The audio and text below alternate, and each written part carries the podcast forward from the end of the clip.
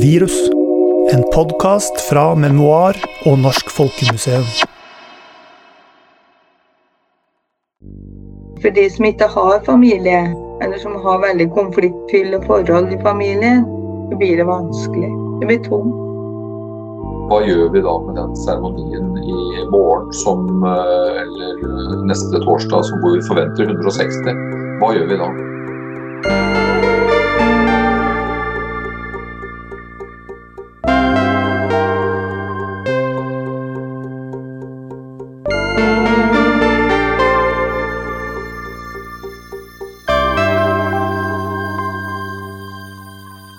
Ja, hva gjør vi da?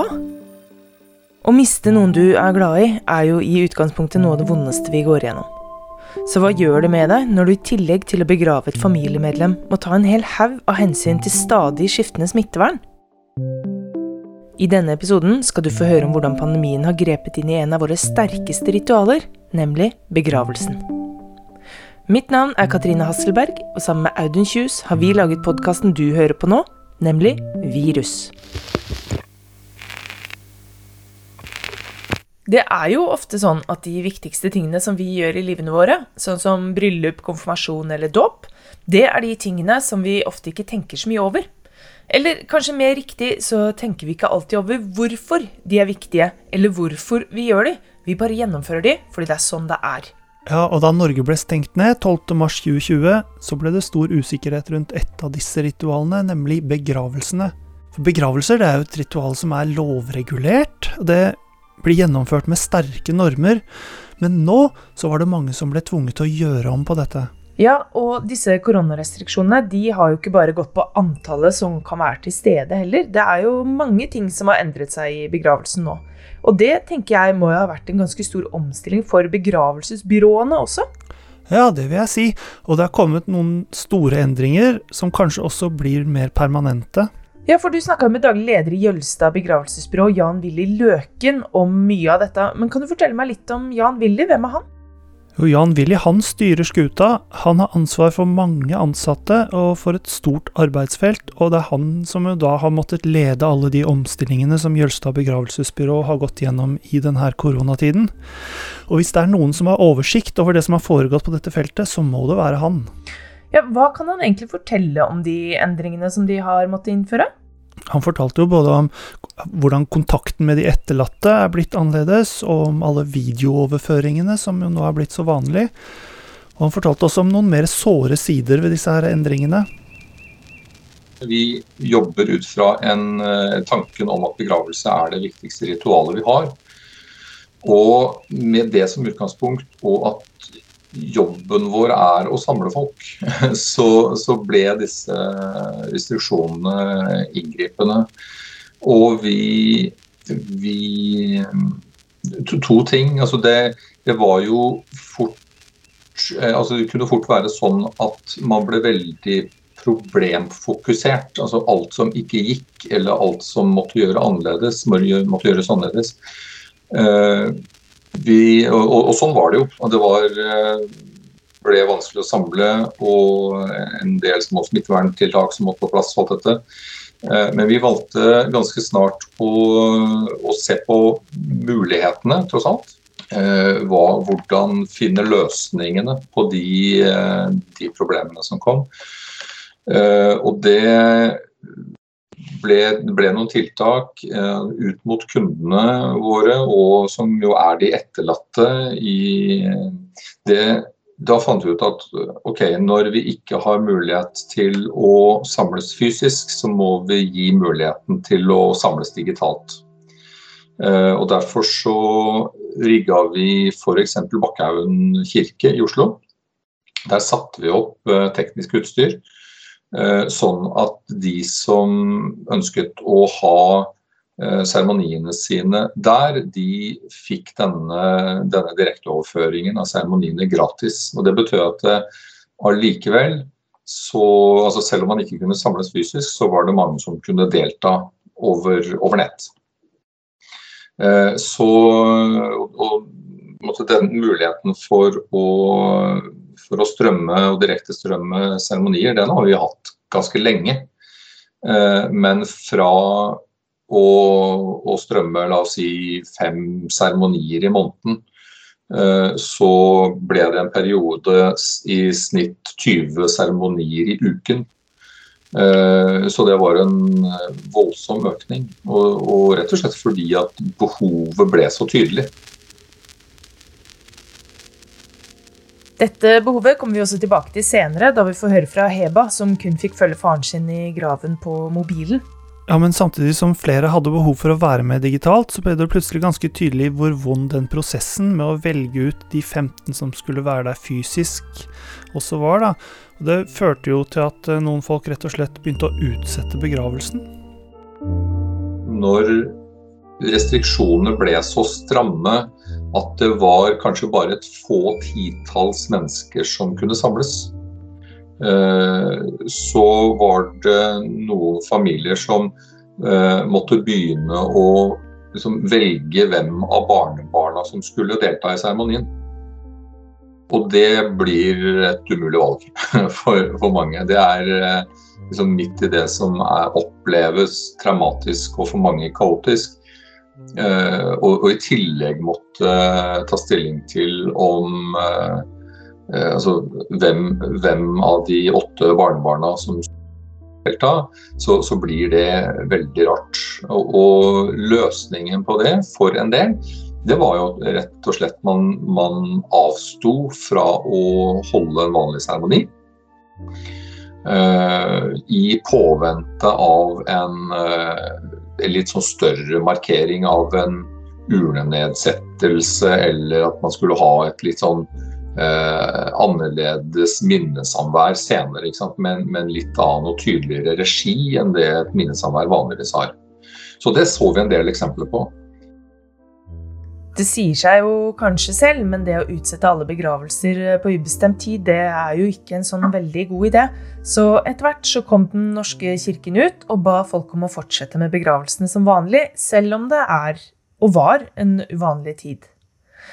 Men det å måtte ta disse valgene da, når man står midt i en kaotisk og følelsesmessig ganske uutholdelig situasjon, det å måtte velge ut de 15 som får komme, f.eks. Hva er det folk forteller deg om det, Audun? Nei, det, det, er jo ikke enkelt. Sånn som Jan Willy sier, så ble det jo en umulig situasjon for mange. Jeg har snakket med bl.a. Chris Nyborg om akkurat dette, for han måtte begrave faren sin i fjor, i april. Faren hans døde av uhelbredelig tarmkreft. Og han ble jo en av disse da som måtte endre på begravelsen for å oppfylle smittevernsreglene. Ja, og Chris fortalte jo veldig mye om hvor vanskelig det var også før faren døde. Fordi det var jo veldig vanskelig å komme på besøk. Det var masse restriksjoner på hvor mange som kunne være der.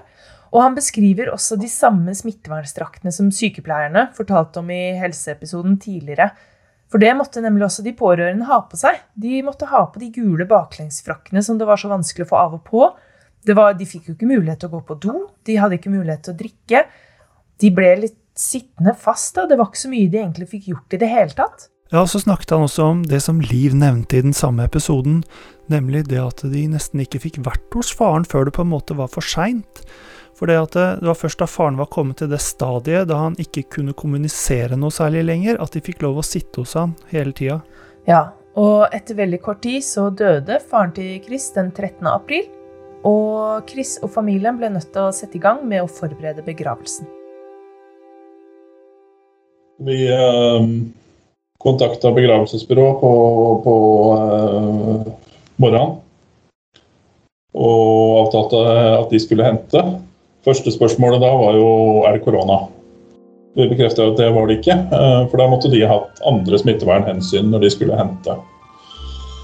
Så det var jo greit, da. Uh, så henta jo de, og så ringte de og forklarte at vi måtte signere på noen papirer. Så måten de gjorde det på, var at de skrev ferdig papirene, la det ut i postkassa si. Så måtte vi komme der og stå utafor og signere det. Uh, for det, på det tidspunktet, altså det var uh, 13. 13. april, så drøy måned uh, etter at det her begynte, så hadde ikke de på en måte klart å lage noen gode smittevernsrutiner på kontorene sine på begravelsesbyrået i Røyken. Eh, det var trangt der. Og og uh, fikk vi signert på papirene, og da, da, fikk vi jo litt informasjon samtidig. Og en av de opplysningene var at uh, det var maks 15 personer som kunne komme i begravelsen. Um, for oss så ble ikke 15 personer veldig mye. altså Vi, vi har tre stesøsken pluss uh, litt ektefeller, og oppi tre barn i den ene flokken og en av hver i de to andre.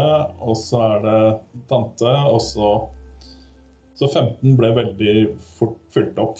Det var flere som, som var veldig naturlige å, å få dit. Uh, men vi klarte ikke å få tallet til å gå opp. Altså Vi måtte sette oss og skrive ned lister og lage Vi lagde lapper og, som vi flytta rundt på. Og, og, på en måte noen, noen var selvskrevne, og, og, så måtte vi se på. Og så hadde vi en uh, liten tass som uh, ennå ikke hadde fylt ett år. En kar som er ti måneder gammel, teller han som én på de 15? Ja, det gjør han. Så var det jo også sånn at jeg kontakta arbeidsgiveren til pappa og meldte fra at uh, Jeg, jeg kontakta dem mye tidligere i prosessen og selvfølgelig har fortalt om hva som var i gang med å skje. Uh, men jeg, jeg, ringte jo med dødsbudskap til dem, og, og da var det jo flere som gjerne ville komme fra arbeidsgiver også. Og de, uh, ja, de, de, ville jo veldig gjerne komme, men uh, det, det, som slo oss da, var at OK, uh, det går jo ikke. Det, det er bare helt umulig. men da begynte vi å tenke på det at i og med at han skulle kremeres, så kom det jo til å bli en urnenedsettelse på et senere tidspunkt. Så vi, vi begynte da å vurdere om, om, det kunne bli en anledning, da. Så det sa vi jo fra til folk, at vi, vi skal se an det. Hvis restriksjonene slipper opp eh, etter hvert, så, så, kan vi gjøre det. Um, vi klarte nå å få det her 15 til å gå opp, men, eh, men, men det føltes ikke greit. Um, det var noen jeg veldig gjerne skulle hatt der. Um, det var uh, bl.a. fetter og kusine av pappa, som var på en måte noen av de få gjenlevende nære han hadde, som, som ikke fikk plass. Uh, vi måtte på en måte prioritere de som, de som, var tettest på i livet til pappa på slutten. Uh, det, det, måtte bli sånn. Så klarte vi å få snike inn én ekstra. for en onkel av, av broren min, da, halvbroren på morssida hans, han er sanger, så vi fikk inn han som solosanger i, i begravelsen da. Det, han, han, skulle jo da være på galleriet, så han telte ikke. Forferdelig vanskelig når du, når du på en måte har en familie som følger opp de 15 veldig, veldig fort. Ja, dette er veldig sårt å høre. Du hører jo veldig godt i stemmen hans. Han er jo grøtete og åpenbart uh, veldig lei seg. Men men det han sier der om å snike inn en ekstra som sanger altså I alle de intervjuene jeg har gjort, så blir jeg til stadighet slått av folks kreativitet i denne pandemien her. Samtidig som jeg eh, blir så imponert over hvor utrolig pliktoppfyllende alle er da, i forhold til alle restriksjonene. Ja, og så kan jeg legge til at et par dager før denne begravelsen, så fikk de jo da faktisk beskjed om at ting hadde endra seg. Så nå kunne de ha med 30 personer likevel. Men da var det jo for seint å få endra på opplegget og få invitert inn nye folk, sånn at de måtte da nøye seg med å ta inn et par personer ekstra. Men ved siden av at det kun kunne komme 15 stykker, så fortalte Chris også om at alle måtte ut av kirken før de kunne bære kista ut. Og det er jo helt omvendt av sånn som det egentlig pleier å være. Og det føltes helt feil for han. Ja, det føltes helt feil for han, ja. Og gangen i disse ritualene de er jo der for en grunn, og når de blir endra på, så blir jo også vår forståelse av situasjonen endra på. så... Men han, han, sa at det, det, gikk jo greit etterpå, for at det, når de kom ut av kirken, da sto alle pent og stille og ventet på at de skulle komme ut med kisten etterpå, da, når de kom ut døra. Og det er jo et eksempel på at uh, en endring som kan virke liten i utgangspunktet, den kan gjøre et stort inntrykk på de som deltar. Ja, jeg snakka med Heba Karim om nettopp det her sånn. Fordi Heba er flyktning fra Syria, så hun kunne jo fortelle meg at fra begynnelsen da, så var jo hele pandemien ganske skremmende for henne. Hun fortalte at eh, det å holde seg inne og se folk begynne å hamstre i matvarer og sånt nå, det tok henne rett tilbake til eh, krigen i Syria. Men det var litt i begynnelsen, helt til hun på en måte forsto at nå var hun i et trygt land, og at dette kommer til å gå bra. Men så gikk det dessverre altså ikke så bra for eh, alle i familien hennes. Ja, For henne var det vel sånn at uh, faren hennes bodde i New York, mens hun bor her i Norge sammen med mora og noen søsken? Ja, som ganske mange familier som må flykte, så blir de ofte litt spredd uh, utover. Og faren til Heba bodde altså i New York, men han ble syk med korona på en businesstur til eh, Montreal i Canada. Og Heba fortalte meg at det tok faktisk bare fem dager fra han begynte å miste stemmen, til han døde. Og det var jo selvfølgelig ingen mulighet for de å fly over for å være med i noen begravelse. Nei, For henne og familien så ble det jo til at de måtte nøye seg med å følge begravelsen på en videosamtale med de to personene som hadde lov til å være til stede. even uh, it, if you remember to, like march april may it they were hard months in all over the world especially in uh, canada and usa montreal, montreal got affected so badly like new york. There when when the hospital took his body they they, they weren't allowed to do like you know the islamic uh, ritual and stuff no. So the hospital will give you the coffin and you're not allowed to open it and his friend they said we will take him because he's muslim and we have to bury him like in islamic way.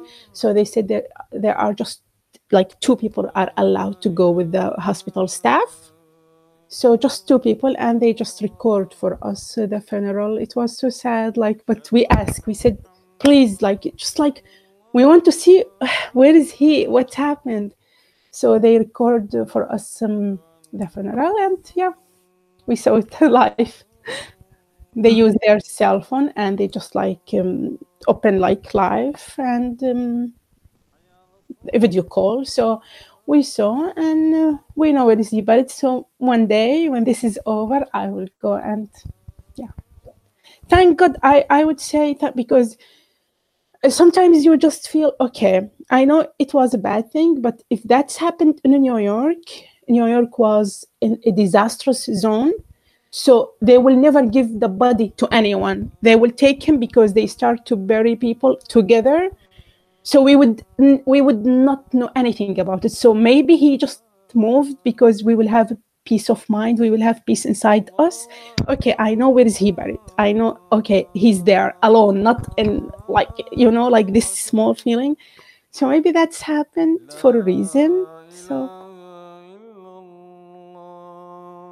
Og det som Heba forteller om på slutten her, at faren døde rett før pandemien kom til det verste i USA og Canada, og at hun er veldig glad for at faren ikke havnet i en massegrav, det tror jeg mange kan forstå.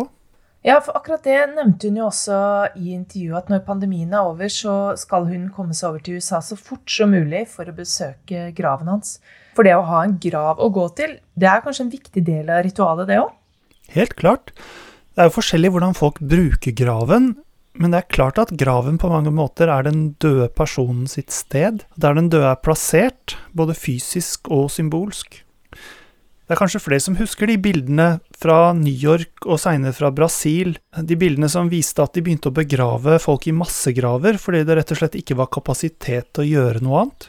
Ja, det har jo blitt forsinkelser over hele linja her, egentlig. På en måte så kan man jo si at det, det begynner jo i det man har masse restriksjoner i samfunnet. Og så fortsetter det med at man må ha på seg smitteutstyr for å komme inn og være med de som er syke eller døende. Men også når de dør, så tar ting så mye lengre tid. Ja, og det er en annen ting som Chris fortalte om i begynnelsen av episoden også. At når han ringte begravelsesbyrået, så var det første spørsmålet der om den døde hadde korona. Det er kanskje ikke noe vi tenker så mye om, men den arbeidsgruppen som jobber med å hente oss når vi dør, de står jo også i fare da, for å bli smitta og spesielt hvis den døde eller noen rundt dem har korona.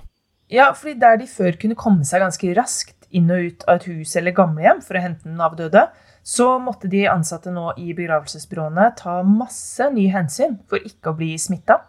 Ja, for når de ikke visste hva en person var død av, så hadde dødd av, da, så måtte de anta at det var korona. Akkurat dette her snakket jeg en del om med Eline Meren Løvaas. For Eline hun har jobbet med begravelser i mange år, og hun kjenner jo godt de vanlige rutinene. Men med pandemien så ble plutselig arbeidshverdagen hennes også helt endra. Så de fleste vi skulle hente enten på sykehjem eller i hjem, ble jo testet. Men eh, vi fikk ikke noe svar før etter vi hadde vært der. Eh, så da måtte vi behandle alle som om de var smittet, rett og slett, selv om de kanskje ikke var det. Ved å kle på oss fulle dresser og visir og doble hansker. Og vi oppretta etter hvert også egne smittevernskurs som vi tok en gjennomgang med alle som jobber i både ute og inne. Eh, så man måtte ha det kurset da, for å kunne være med på en, en henting, rett og slett. Så det, det, har vært en veldig lærerik prosess, eh, men jeg er også veldig ja, stolt av det at man tok tak i ting så kjapt. da. At vi fikk en rutine og skulle skape trygghet oss, blant oss også. Mm. Ble det mye ekstra arbeid i, i forbindelse med det? Tar det mye lengre tid, liksom? Ja, det gjør jo fort det, da. Det er jo Vanligvis så har vi jo uh, hatt en rutine for at vi kommer uh, inn et sted og vi informerer om hva vi gjør, og så steller vi og, og henter, og så er vi nesten av gårde igjen. Men nå var det, vi måtte finne ut av veldig mye mer på forhånd før vi kom til et sted. Vi måtte finne ut av hva som var ren sone, hva som var møktesone. Var vi usikre, så kledde vi på oss uh, på utsiden. Eh, satt opp eh, poser og måtte markere alt med smitte, i tilfelle det var det. Eh, eh, passe på at man ikke tok noe på, på, utsiden av dressen sin når man skulle kle av seg. Og det tok jo fort mye lengre tid, og så kunne vi også ikke hente før det hadde gått eh, tre timer. var den regelen vi satt etter et eh, dødsfall har skjedd. Noen vil jo at vi kommer med en gang. Men i forhold til da det viruset som svever rundt, hvis det er inne, da, så eh, prøvde vi å sette det som en hovedregel at vi venter tre timer for eh, å minske smitterisikoen, rett og slett. Når Eline snakker her sånn nå, så blir jeg jo egentlig mer og mer klar over hvor strenge de reglene for disse ritualene egentlig er. Når det er så mange endringer som skal til for å få det til å passe inn i den situasjonen vi er i nå. da. Men kan du, Audun, som kulturhistoriker som er opptatt av daglivet, kan ikke du prøve å forklare meg hvorfor er de ritualene her så viktige? Så med, med de her eh, ritualene knytta til, til, livets uh, overganger og høytider og, og sånn, så, så noe av det som vi gjør med dem, er at vi koordinerer oss. Og vi, vi, fordeler plikter og rettigheter og gjør det synlig. Og vi ordner, rydder i tiden og rommet rundt oss. Og samtidig så synkroniserer og så anerkjenner vi viktige følelser. Så før du blir begravd, så er jo døden allerede et biologisk faktum, men det er jo med begravelsen at det også blir til et sosialt faktum. Og sånn sett så er jo begravelsen viktig for å kunngjøre og demonstrere, og også gjøre det helt virkelig at et medlem i flokken vår har gått fra å være levende til å være død. Mm. Jeg kjenner jeg utrolig takknemlig for å leve i et så velfungerende samfunn som det som vi har her. Som har så klare roller og så profesjonaliserte yrkesgrupper da, som evner å omstille seg raskt når vi behøver dem. De som jobber i begravelsesbransjen, har jo på mange måter blitt ufrivillig flytta til førstelinja her, siden de plutselig potensielt blir utsatt for direkte smitte hver dag. Ja, og så har de jo også fått mye mer å gjøre på jobben, selv om de bare løser de samme arbeidsoppgavene som de hadde før. Men så er det én ting til man må gjennomføre begravelsen, og det er jo også møtet med den som skal lede seremonien. Og der vet jeg at du har snakket med en prest, Audun. Ja, jeg snakket med Grete Glemmestad, og hun er sogneprest i Salangen i Troms. Hun forteller at eh, møtene med de etterlatte også er blitt ganske annerledes, og særlig siden det jo rett og slett ikke er lov til å møtes, i hvert fall ikke mange av gangen. Vanligvis så har jo jeg samtaler med pårørende, eh, og ofte er de hjemme til den nærmeste, eller de kommer hit på kontoret. Og da er det jo ofte mange til stede. Eh, og det er ofte servering. Og jeg er ofte hjemme der og ser på bilder av pårørende. Og vi kan gjerne være ja, i hvert fall fem stykker samla. Fire-fem stykker samla. Og vi har en time til to timer samtale.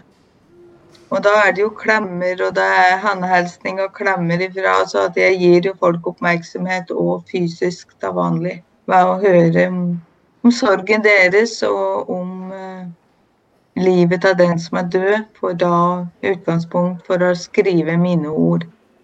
Av og til så skriver de pårørende sjøl, og av og til så skriver jeg. Så har vi da ofte en dialog hvis jeg skriver minneorda om hvordan minneorda skal være. Hvordan de skal bli til slutt. Da er det ofte mange som er med i den samtalen, da. Det er Vanligvis så er det fra to til fem kan du si, som er med i den samtalen. Og når koronaen kom og mye ble eh, lagt av telefon, så ble det jo ofte bare én telefonsamtale med én. Og av og til hadde de ordnet det sånn at to kunne være med i telefonsamtalen. Og hvis jeg møtte folk, så var det jo bare ett menneske som kom.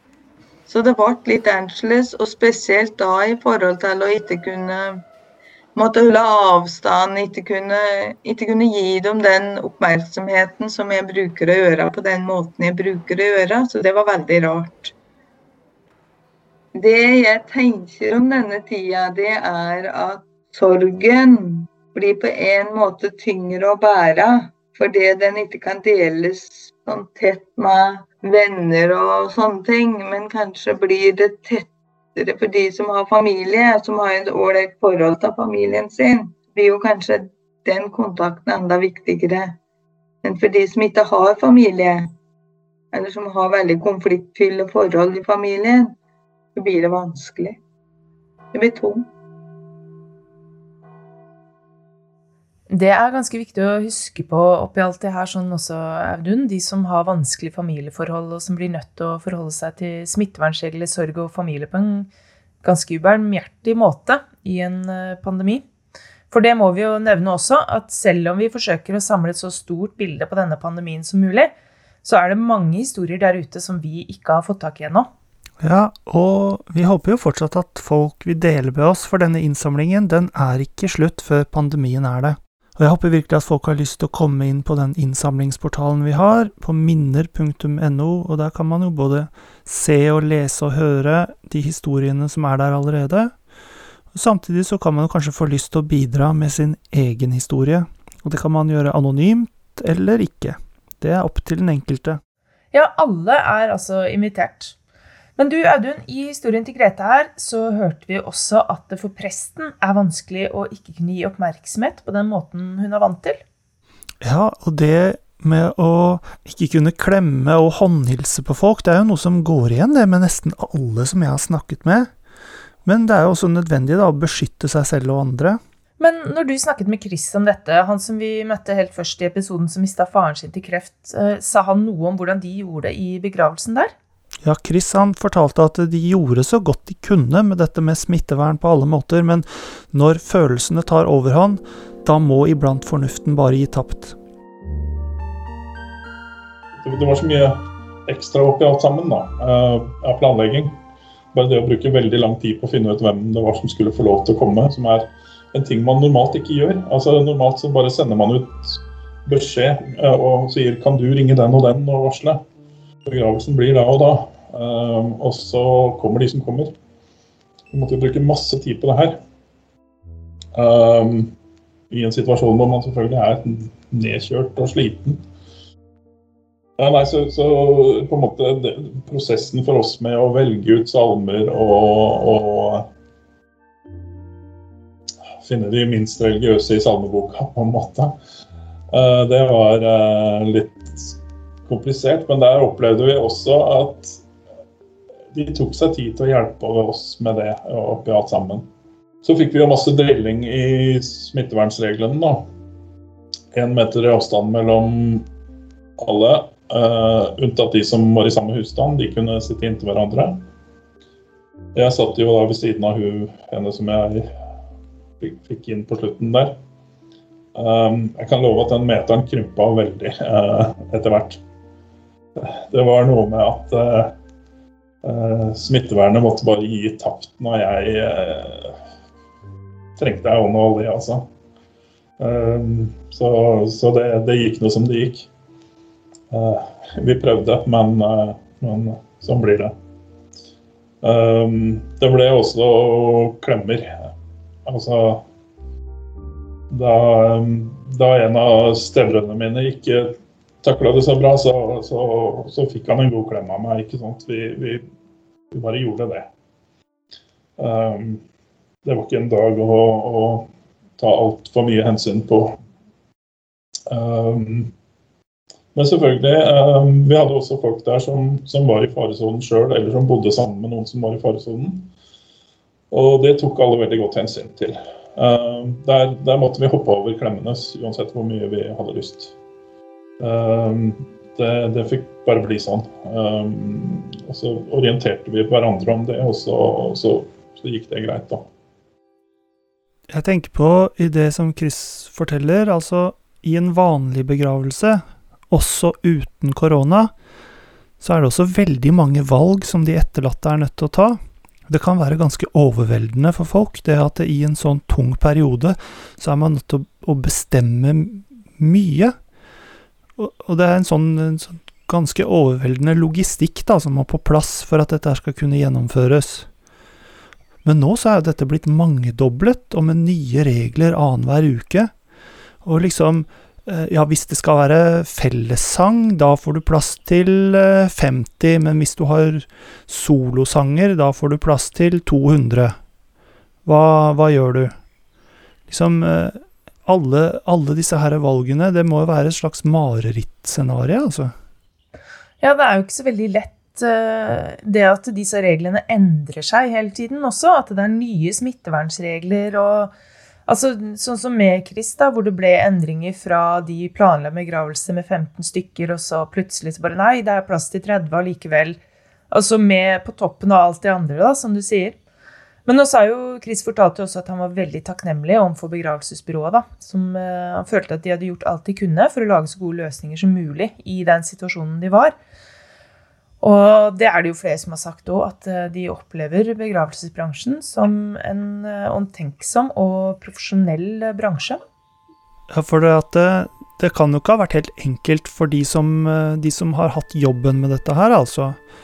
Jeg kan jo tenker meg, og jo, de forteller jo også om dette at de alt, ikke alltid får gjort den jobben så bra som de ønsker, og så bra som de er vant til. At de som ofte kan føle at de ikke strekker til. Da. Og det er jo mange av oss, vi har jo kunnet forskanse oss på hjemmekontor, liksom tilbaketrukket fra andre folk og god avstand til mulige viruser og sånn, men sånn er det jo ikke alle som har hatt det.